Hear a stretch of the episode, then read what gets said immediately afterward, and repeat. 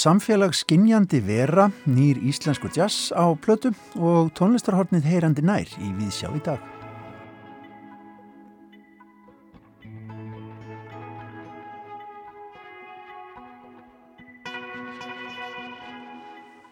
Komið sæl og blessuð, nýr Víðsjár vetur er gengin í garð.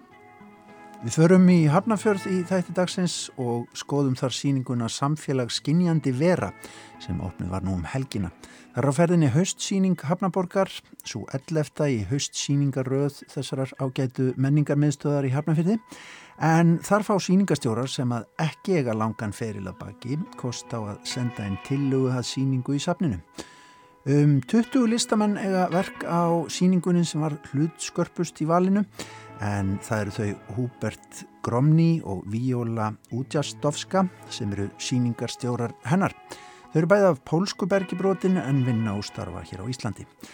Við ræðum við Víólu um það hver er inni og hver er úti, takmarkaða vestræna frásögn og víðari skinnjun í þætti dagsins. Og svo hugum við að nýjum íslenskum jazzi, en það er jazzáttíð í Reykjavík hafinn og í kringum hana kemur alltaf út slatti af jazztónist. Hróðmar Sigursson heitir ungur jazzgítarleikari sem nú gefur út sína fyrstu plötu og kallar einfallega Hróðmar Sigursson. Já, gott nafn. Og svo bjóðum við áfram upp á tónlistarhornið Heyrandi nær, þar sem Arljótur Sigursson týnir fram eitt og annað forvittnilegt úr tónlistinni Og í dag allar alljóttur að beina aðteglinni að litlu en þó mikilvægu slagveðsljófari, nefnilega tamborinni. En við byrjum þátt dagsins á jazzi.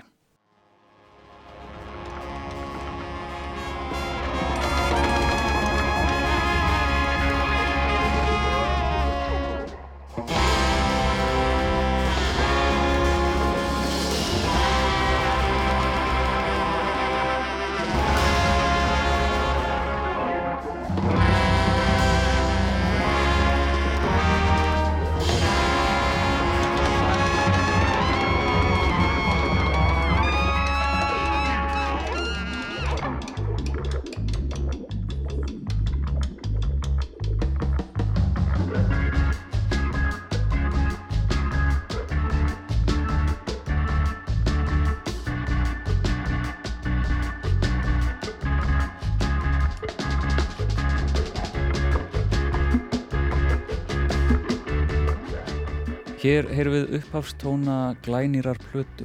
Hún er úr smiðju Róðmars Sigurssonar, tónlistamanns og ber einfallega titilinn Róðmar Sigursson. Læðið sem við heyrum hér undir heitir Núna og einmitt núna í dag kom þessi plata út og núna í kvöld verður blásið til útgáfu tónleika í hörpu og eru þeir tónleikar hluti af jazzháttíð Reykjavíkur sem hófst núna 28. ágúst og líkur næsta lögardag þann 4. ágúst. Mér tókst að plata tónlistamannin í hljóðstofu til minn, Róðmar Sigursson, velkomin í Viðsjá. Takk, takk hella fyrir að fá mig.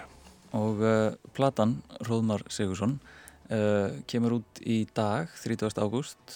Uh, getur þið sagt okkur aðeins svona hvers konar plötu við erum að fá á markaða? Herðu, þetta er svona hérna ósungin plata sem að myndi nú falla undir díashattin myndi, myndi ég segja. Þó þetta sé kannski ekkert endilega verið að leitast eftir að gera eitthvað svona alveg hefðbundna jazzplötu heldur meira bara svona instrumental músík með spuna ívafi og, og kannski svona innblásin af bæði kannski svona nýri stílum á jazz og líka bara af söður amerískri jazzmusík sem að hefur svona heila með mikið sko mm -hmm. Og uh, fyrsta lag sem að þú gefur út það, það er emitt uh, jazz var kannski ekki það fyrsta sem ég hugsaði þegar ég hlustaði á það og mjög áferðafallegt lag myndur þú segja að það sé lýsandi fyrir stemminguplötunum? Já, klálega sko þetta er svolítið svona áttin sem ég er að fara í með þessu stóra bandi og, og svona skemmtilegum útsetningum á, á blástursljófæri með og, og já, svona sterkt slagverk inni með sterkum lagleginum og, og svo leið sko mm -hmm.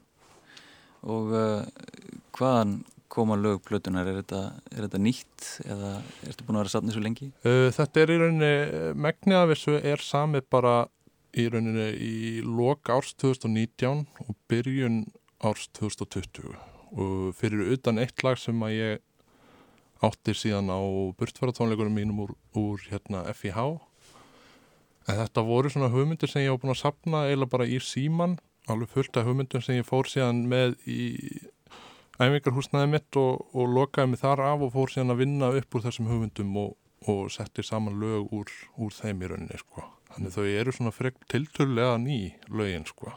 Já, og, og hvernig verður svona venjulegt lag á þessari plötu til svona, hvert var ferlið? Já, það var svolítið þetta að, setjast niður og fara yfir hugmyndir sem ég átti, setja saman lag með laglínum og, og síðan svona í kjölfarið að því að í rauninni að setja þetta upp og útsetja fyrir þá tvo eða þrjá blásara og síðan í rauninni bara fara að vinna þetta með hljómsettinni mm. og leifa þeim svolítið að koma með sitt svona sína áferð og sína spilamessku inn í, inn í músíkina sko.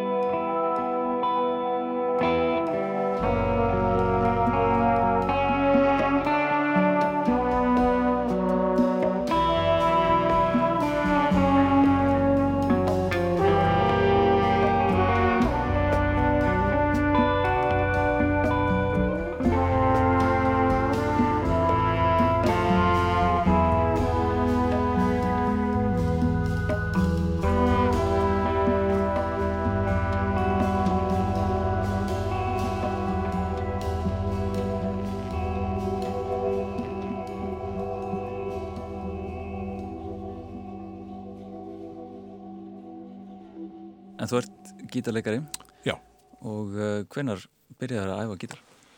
Herru, ég byrjaði að spila gítar bara þegar ég var 11 ára og fyrir það var maður búin að vera tók maður blokkflötu og læra trompett í 2-3 ár og gafst upp að því það var svo er, erfitt að blása því trompetti þannig ég byrjaði, fekk gítar í 11 ára ámæliskjöf og hef í rauninni ekkert stoppað síðan sko.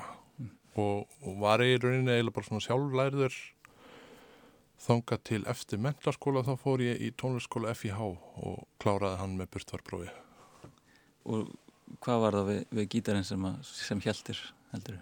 Það, ég held að örgla fyrst bara svona þetta rockstjórnu gítarsóló dæmi sem heitlaði mest.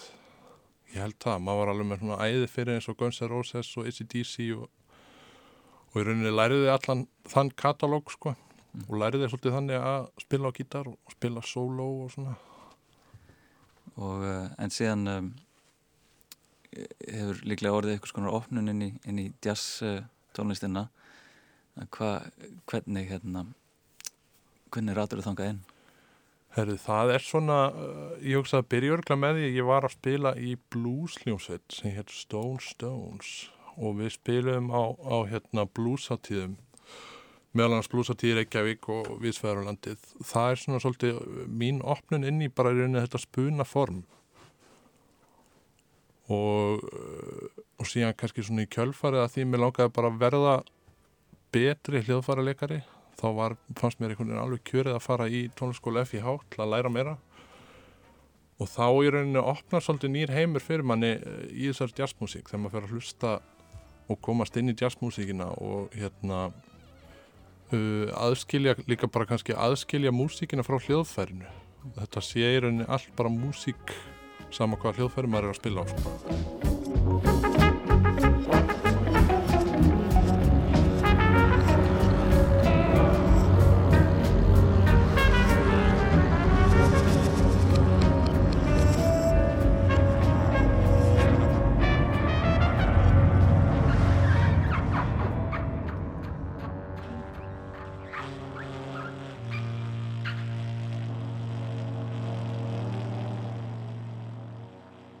Plutunni sem er að koma út í dag eh, hverjir er að spila með þér?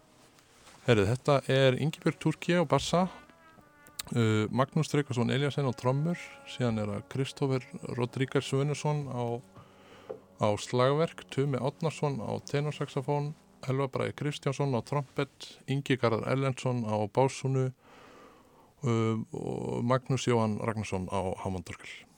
Þetta er um, einvala lið. Já, heldur betur. Vist, í mjög örugum höndum, finnst ég segja. En, uh, en hvernig gekk þetta samstarf og, og þau voru í sundlauninu, var það ekki Jú. í upptökunum? Herru, það gekk bara alveg frábælega.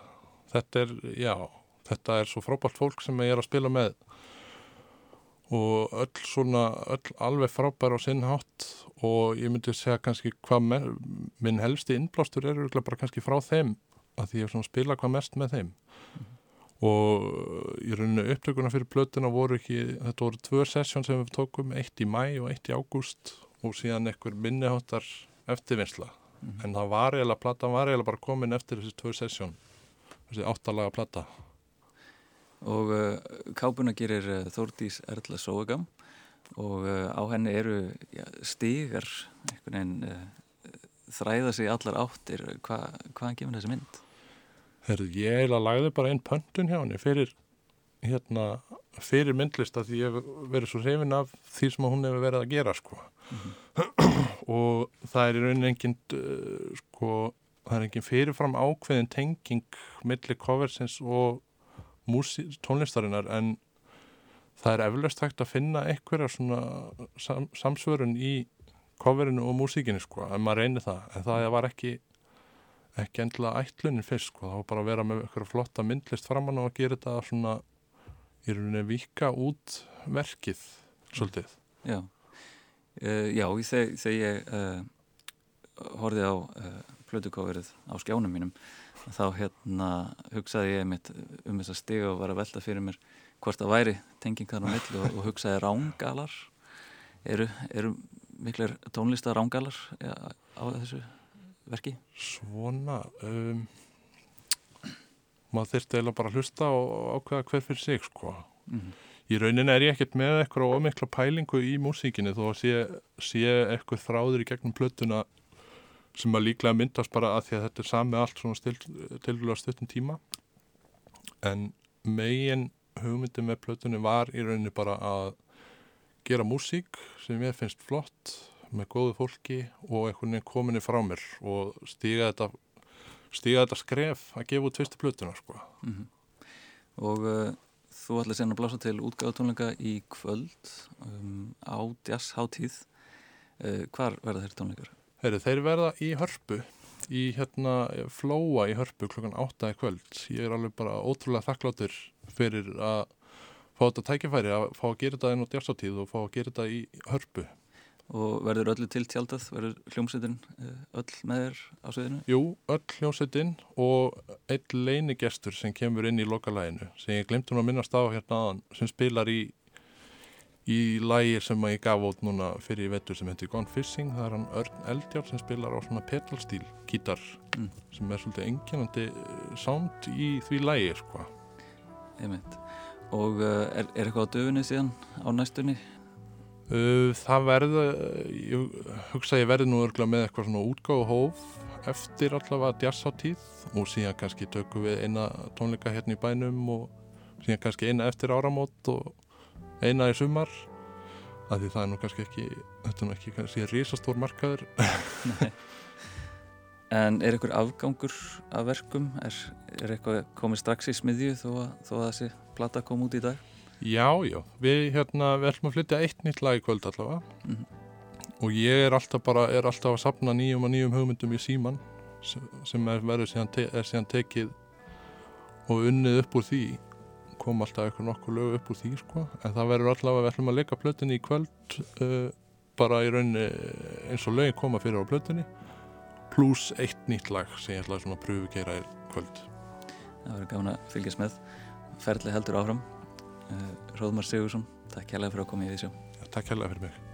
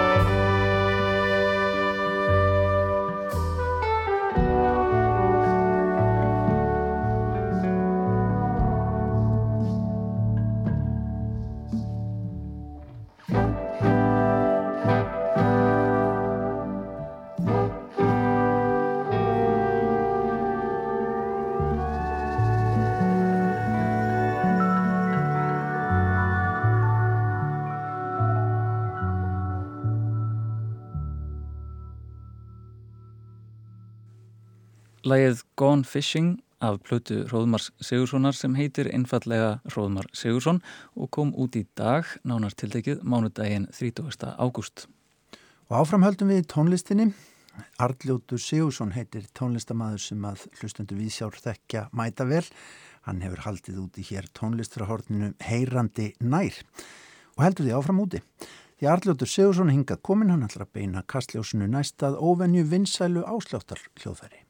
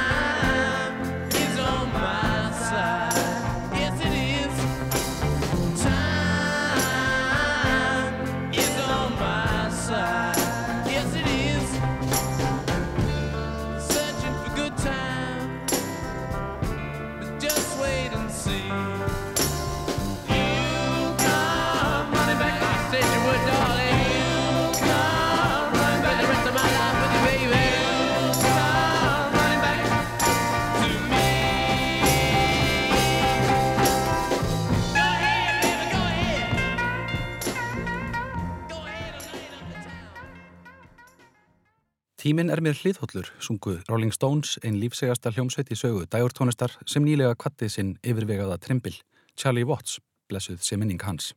Eitt merkilegt við lag þetta, sem ég hafði aldrei tekið eftir fyrir en mér var á það bent, er hvaða hljóðfæri er háverast í hljóðblönduninni. Því spyr ég þig, kæri hlustandi, hvaða hljóðfæri var sett fremst í mixið eins og það myndi kallast á stúdíómáli. Ekki var það söngurinn eða gítarinn, bassin eða trommurnar, heldur tambúrinnan, já eða tambúrinnur tvær kvellar og ósamtaka strjált spilaðar í mótvægi við þjætt spilandi reyðmandeldina. Heyri nú aftur brot af tambúrinu spilinu í þessu tímalösa lægi.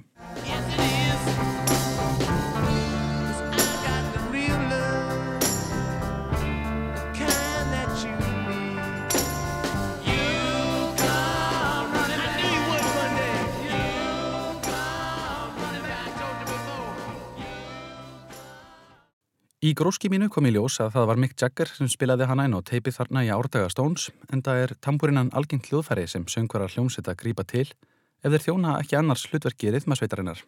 Stundum kann það að vera á völdum spjærhæslu þegar söngnum sleppir í útsetningum hljómsveita og þá sér í lægi á tónleikum þegar frontmaðurinn er orðin of sjálfsmeðutaður í brotti fylkingar og myndi annars sitja auðum höndum meðan gítarsólóið glimur. Þó það reynist kannski rétt stöku sinnum held ég að í flestum tilvikum sé tamburinnan þó aðalega notuð músikalst til þess fallin að auka hringildið ef svo mættið orðið komast og að sjaldan sé gripið til hennar að óþörfu. Vinseldir tamburinunar eru slíkar að þetta hljóðfæri er nánast orðið eins og saltið eða piparstökur þegar þjónað er til borðs í dægurtónistarsögunni þó víðar væri leitað. Eftirminnilegt er atriði úr heimildarmyndinni um pílagrímsför hjálma til Jamaiku hvar þeir tóku upp sína fjörðu plötu og fengu innfætt reynslubúnt til liðs við sig þar á meðal slagvæsleikaran Stikki sem tók hlutverk sitt sérstaklega alvarlega og skilaði af sér eðal tamburinu slætti. Einnig verði að minnast á hljóðheim hennar ultratöf rocklumsveitar Singapore Sling sem notast við sérlegan tamburinuleikara að staðaldri og má higgja að sé ómissandi í heildarhljómi sveitarinnar. Hönnun tamburinunar er í grunninn gjörð með áföstum málmgöllum með eða án trommuskins. Svo einföldir smíðin sjálf að tamburinnan hefur jafnan verið vinsælt föndurverkefni í leikskólum landsins. Lilla kunnáttu þarf til að framkvalla hljóð með henni en til þess þarf ekki einu sinni að kunna að klappa. Það hefur kannski líka verið hennar bölfun að allir kelja sér geta leikið á hana æfinga löst. Svo litið eins og klísjan um að allir þykist kunna á þrýhorn. En það er ekki eins einfalt og það virðist nefnilega og endalust djúft hægt að kafa í hljóðheim þessa annars einfalda hljóðfæris. Áðurinn ég fer stuttlega yfir sögu tamburinunar er ekki úr vegi að hlusta næsta á mexikoska slagverkssíinið Gabrielu Jiménez með einleik á tamburinu í Rachmaninoff tónleikahöllinni í Moskvu.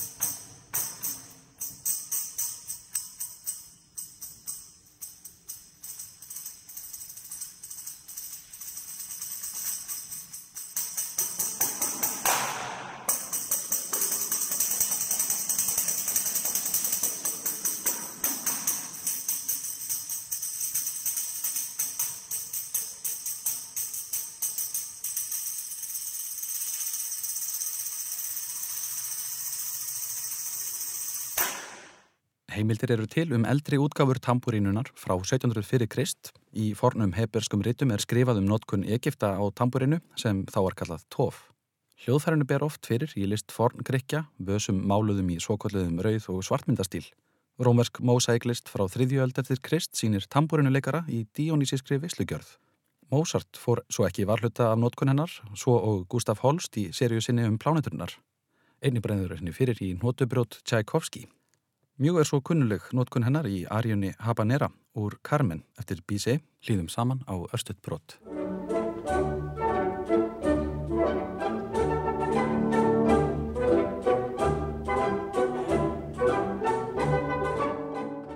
Tyrknesk útgáfa hljóðfærisins heitir Tar og svo persneska Daf en þetta eru sennilega frægustu ættingjar tambúrinunar á samt portugalska afbreyðinu Pandeiro sem barst til Brasilíu á nýlendu tímanum og þykir ómissandi í hljóðheimi brasilískrar tónlistar.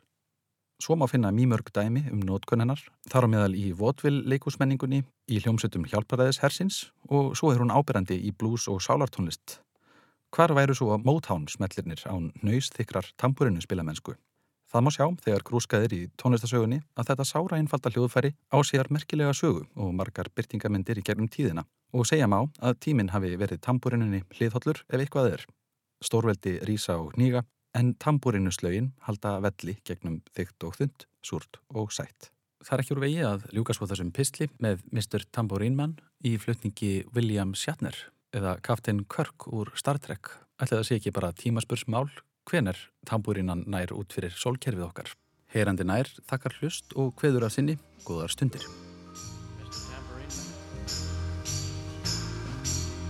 Hey, Mr. Tambourine Man. Hey, Mr. Mr. Tambourine Man.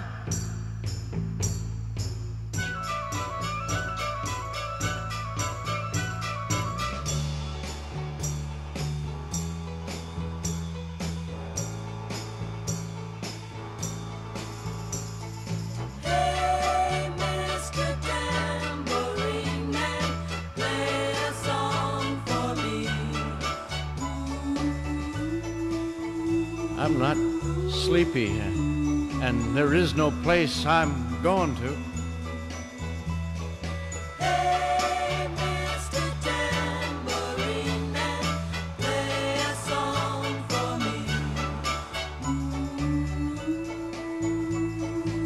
in the jingle jangle morning. I'll come following you. Take me on a trip on your magic swirling ship. My senses have been stripped. My hands can't feel to grip. My toes too numb to step. Wait only for my boot heels to be wandering.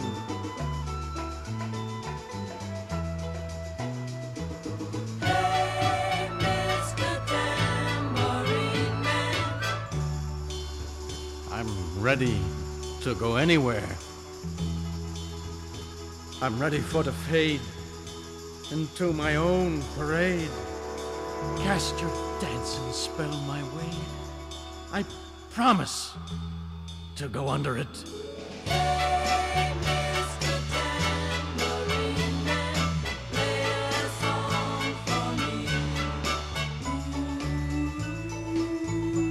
I'm not sleepy and there is no place I'm going to.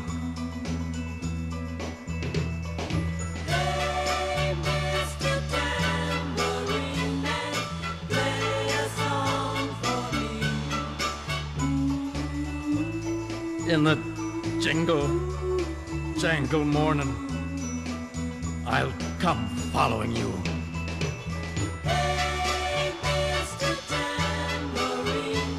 Mr. Tambourine Man! Mr.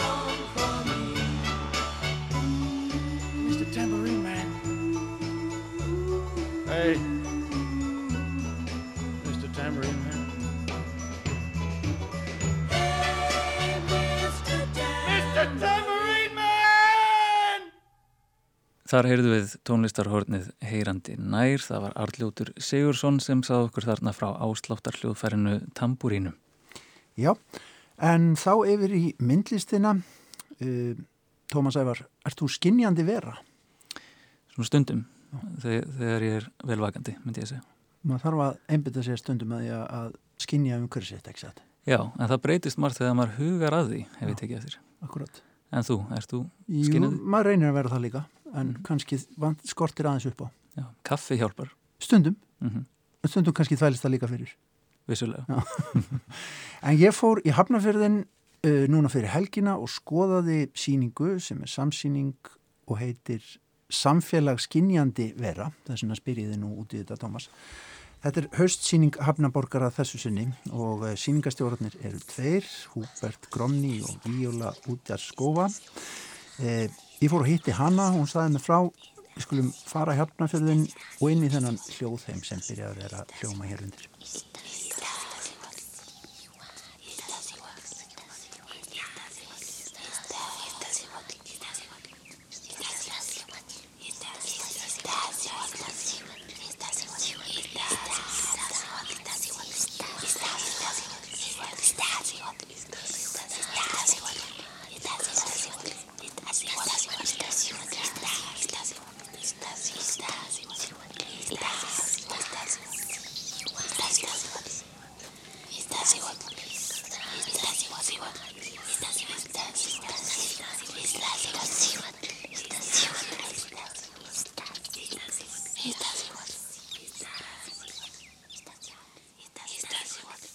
Við erum komin inn í hljóðheim myndlistarverks ágættu hlustendur. Þetta er myndbandsverk sem við horfum á. Undir einhvers konar ábreyðslu bærist eitthvað líklega líkamar og þessi hljóðmynd fyllir hlustir áhorandans. Listakonan heitir Michelle Sens Burola og eh, hún er ein úr fjölbreyttum hópi listamanna, fræðimanna og fleiri aðila sem að taka þátt í haustsýningu Hafnarborgar í Hafnarferði að þessu sinni. Sýningin þar söðu frá heitir Samfélagsskinjandi vera en þar er að verk íslenskir listamenn og listamenn með tengingar við Ísland. Til dæmis nokkrir erlendi listamenn sem hafa stundan nám hér á landi í listsinni. Sýningastjórarnir eru tveir. Húbert Gromni er myndlistamæður, fræðimæður, sýningastjóri og rithöfundur búsettur í Reykjavík en af pólsku bergi brotin rétt eins og hinn sýningastjórin Víola Útjastovska sem er myndlistakona, gjörningalistamaður og listfræðingur, einnig búsett í Reykjavík. Hugsun þeirra Húberts og Víólu er að skapa með síningunni Vettvang þar sem margar rattir mætast og ólíkir möguleikar, tjáningar og skinjunar eru skoðaðir. Þannig mun síningin bjóða upp á margvíslega nálgun með áherslu á tímaferli og fluttning þar sem rýmið verður virkjað, kannad og nýtt á ýmsa vegum svo sapnið breytist jáfnvel í stað til að mynda tengsl. Þetta snýst allt um tengsl, segir Víóla mér þegar ég hitt hana á sapninu þegar þar var unnið að uppsetningu núna fyrir helgina. Uh, so uh, the name of the exhibition is the community of sentient beings uh, and the main thing uh, it's actually yes this like idea what is community uh, who are the members of community and how to actually um, perceive us others and uh, surrounding with more like with this like being sentient being like kind of deep listening and even like deep listening, looking at things, so like kind of mixing the senses and uh, be more kind of connected to the intuition rather than to knowledge.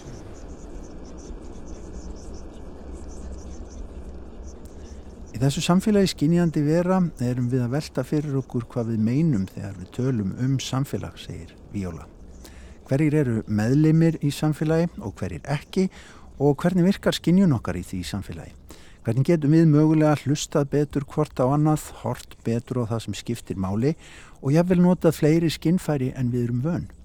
Og þá tengst betur okkar innlefun og innsæi, frekar en endilega að meta heiminn bara alltaf út frá upplýsingum og vittnesku. That uh, we, at least uh, from the Eurocentric point of view, are quite focused on ourselves.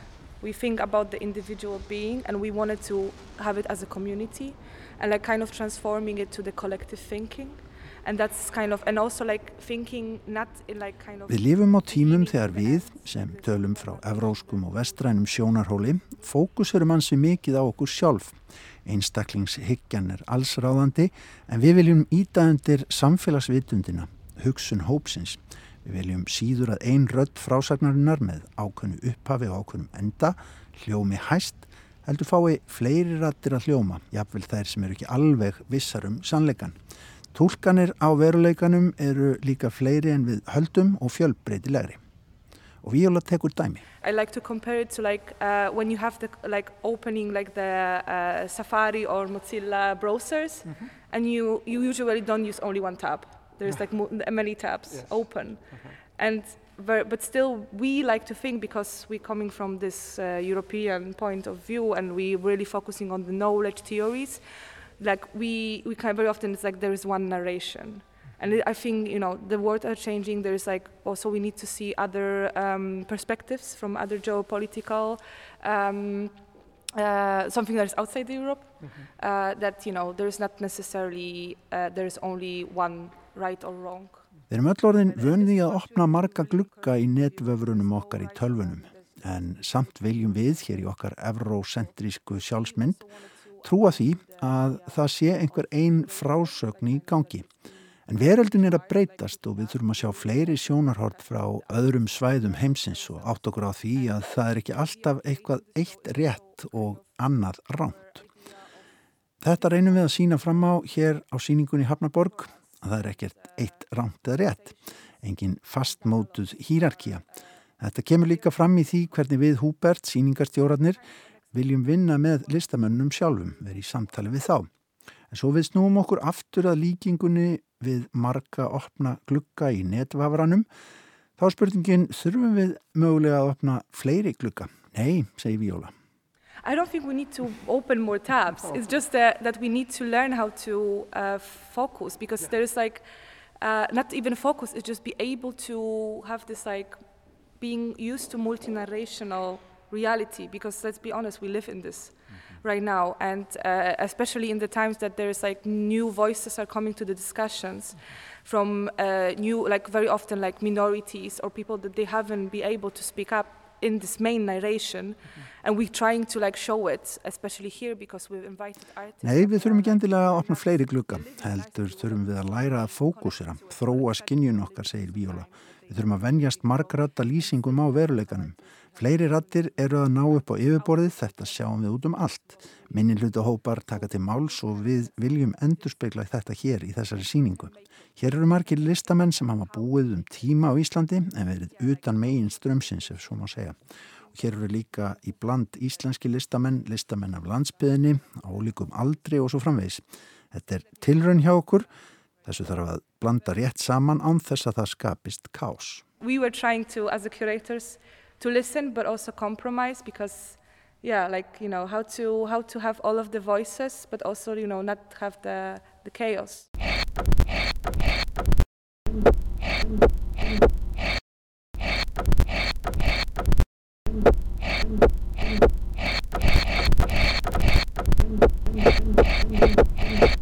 Víóla segir mér frá verki egifsku listakonunar Nermine El Ansari sem að býr hér á landi en hefur sínt víða. Þetta er gagvirk innsetning þar sem gestinum er búið að taka þátt í einhvers konar æfingu. Hér er þetta setjast niður við gamalt borð sem að upprunnulega kemur úr skólastofu að ég heldur Östubæðaskóla, segir Víóla. Uh, yeah, so uh, the sound that you uh, listen to it's uh, from work uh, of Neremina El Ansari. She was born in Egypt. She lives for some time in Iceland, and I think um, what was also important for us to show artists that they are quite known from uh, outside the, the Iceland and present their works. Mm-hmm. So this is an interactive installation when actually a viewer is invited to do an exercise, and that's the title of ex um, this installation. Og hér í þessum bókum, annari á ennsku, hinni á arabísku, býðst gestinum að gera æfinguna.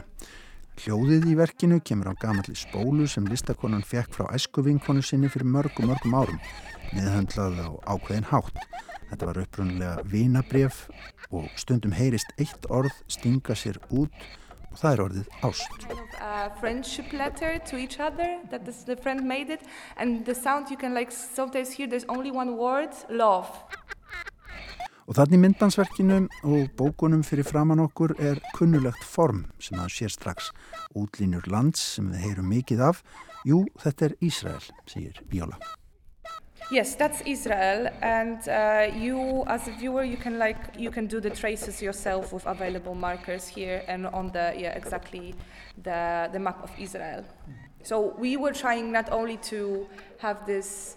We try to have this like what I was talking about this multi narration because you know we have works that they are like political. I personally, as a as a art worker, I think art is political, mm -hmm. and even that if the artist thinks this is a political, it is a statement. Já, maður getur gert æfingar hér, dreyið aðra línur í Ísrael, segir Víóla, en hún er sjálf á því að öll myndlist sé í eðli sínu pólitísk. Jável þegar listamæðun haldiði fram að verkin sín sé ópólitísk, þá er það pólitísk afstæða í eðli sínu. Fram í salnum hitti ég einn listamannina, eina bandarísku Kathy Clark. Hi, what's your name? I'm Kathy Clark. Okay, where are you from? I'm from America. I'm from San Francisco. Okay. You've been living here in yes, Iceland? Yes, I married an Icelander. Okay, yeah, good for so, you. yeah. and uh, tell me a little bit about this forest over here. Okay, well, so the, the um, theme of our exhibition is community of sentient beings, and I've been really influenced by our summer house and the beautiful trees that are there. And I have this very deep connection with the trees and um, learning about the interesting um, community that they and the, the systems that they have have in nature mm-hmm. with, with, their, with their species. Kathy Clark er að setja upp svartkvítan skó í salnum í Hafnaborg þegar ég tröfla hana stuttlega. Hún er innblásin af sumarhúsi sínu og gróðurinnum þar í kring. Vistkerfið í kringum trén það heitlar mig, segir Kathy, hvernig einn tegund hefur áhrif á aðra. Þetta hefur orðið til þess að ég hef búið til þennan svartkvíta keramík skó. Hér er svo sveppir og fleiri tegundir í lágróðurinnum tólkaðar með ólíkum hætti á skóabotnunum. Þetta tengist allt og þetta heitlar mig. Þetta er allt skinjandi verur rétt eins og þema síningarinnar. The trees themselves are, are sentient beings, definitely. And, um, and they have to coexist, of course. Yeah, we they have to coexist, and we have to coexist, and and yeah, I have a deep passion for trees and plants and animals, and very nice. Yeah, thank, thank you, thank you. En í salnum er líka stórt hús, gilt, og inn í því hitt ég listakonin sem ég kannast við eftir smá stund. Já, ómanglökur og ég nú er. Inside the house, there's an artist working on it. Okay, wow. Oh, hi, hi. Can I bother you for a, for a while? Hi. Gaman að sjá, Talar þú íslensku? já. Já. ég, hérna, maður veit ekki alveg, sko. Hvað heitir þú? Er Melanie, Já. Melanie og Baldo. Akkurat. Herðu, ég held ég hafi talað við þig eftir hann. Já, Já, já, já, akkurat, ég man eftir, já, já, algjörlega. Hvað er þetta, hérna, gera? Sko, ég er að smíða hús sem er sem sagt einfalda skýringin verður þannig að þetta eru sem sagt svona emergency shelters Ok. og er sem sagt komin úr svona ágveðin katalógu frá samiðu þjóðina sjálfur. Þetta er sem sagt rétt, Í réttri rétt stærðin stærð, og já. allt sko sem ég fylgdi þá. nema þau eru ekki gulli. Nei. Nei. Og þann er hún þakið að ég vel innan og utan með þessum svo kalla neyðarteppum, eða svona emergency blankets, sem er nú þegar mjög svona ubiquitous Mhm. um einmitt í sambandi með þetta the refugee crisis og allt kringum það. Já. Og ef þetta er ég að tala frá ákveðin svona forréttinda stöðu að vera svona mjög safe hér á Íslandi og eitthvað. Þannig að þetta er mjög svona, það er eins og að ég sé alltaf að tala um eggshells þegar ég er að fjalla um verkið. Einmitt.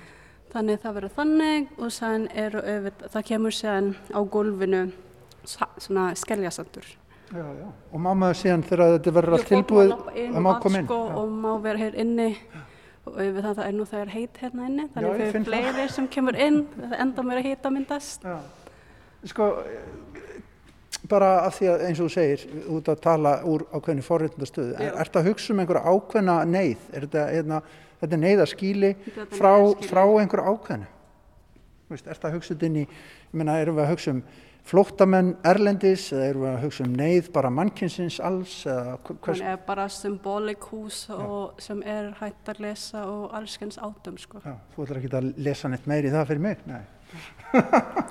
Gott sér. en, en hvernig svona hérna, það að tengja þetta stærð og, og, hérna, og svona lögun út í heim, Já. það sem þetta er til, ég meina, það, það er ákveðin sögn í því, þú ert Jú, að, ég minna eftir allt þetta þá veit ég hvað kostar að byggja svona hús. Já. og að þetta er einmitt svona minnstagerðin þetta er svona fjóra sinum þrýr, tólf fermetra. Mhm. ég meina þetta kostar ekkert að smíða þannig hús og svo er bara ég veit þetta heitir svona einhvers konar neyðarskili Mhm. en samt sem að fólk lifir í þessu húsum. Víða, við það já, em, og kalla það húsið sitt. Og þetta er bara þetta á að vera í neyði sko. svona bara bráðabyrgði en fólk skapar lifið sitt í þessum, húsum. í þessum húsum en svo, sorglegt það er já, og svo erum við að safni í Hafnarfyrði Já. á Íslandi með svona hús. já. Þess, já. það er bara það sko sem listamæður, það er þessi vettvangur sem maður er að vi- vinna í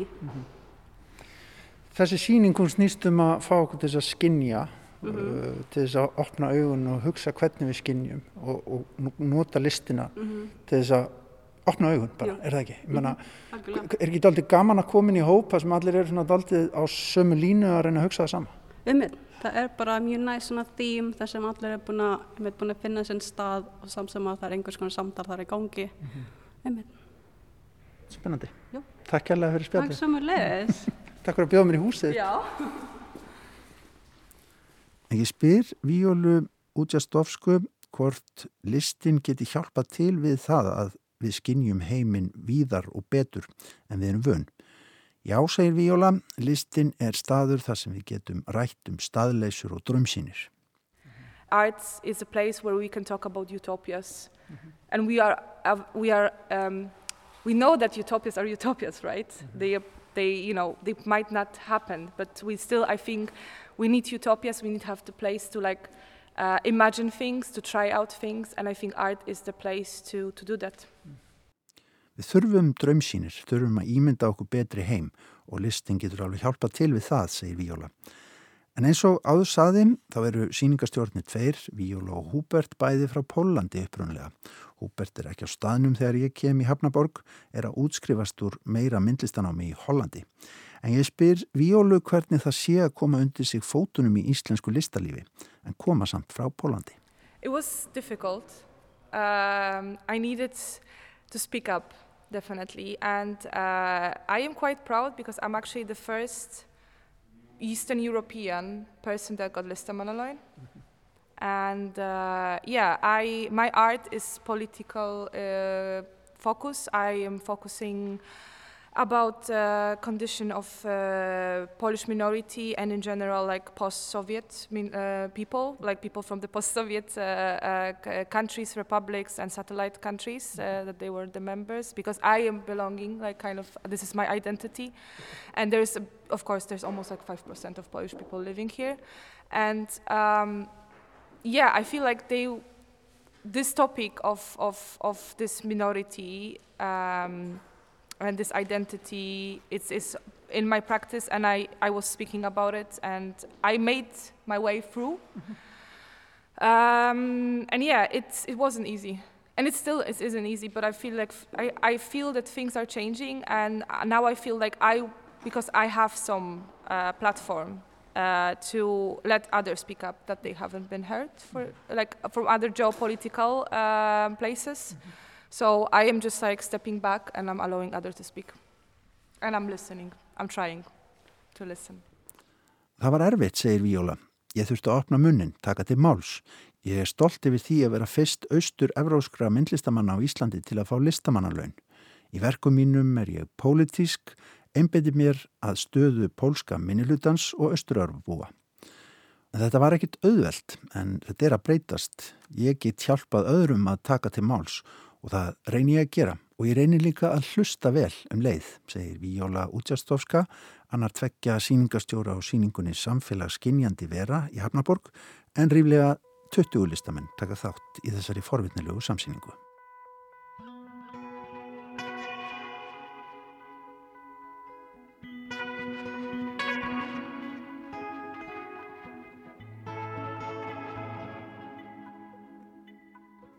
Og við sjádagsins lúkum við í Hafnarborg í Hafnafyrði. Já, alveg þetta mæla með því að fólk kíki þangað.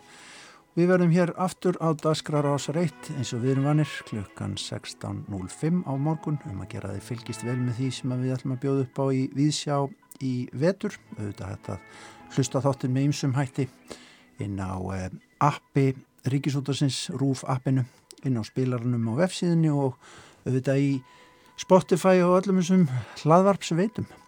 En takk fyrir samfélgum í dag, verið sæl.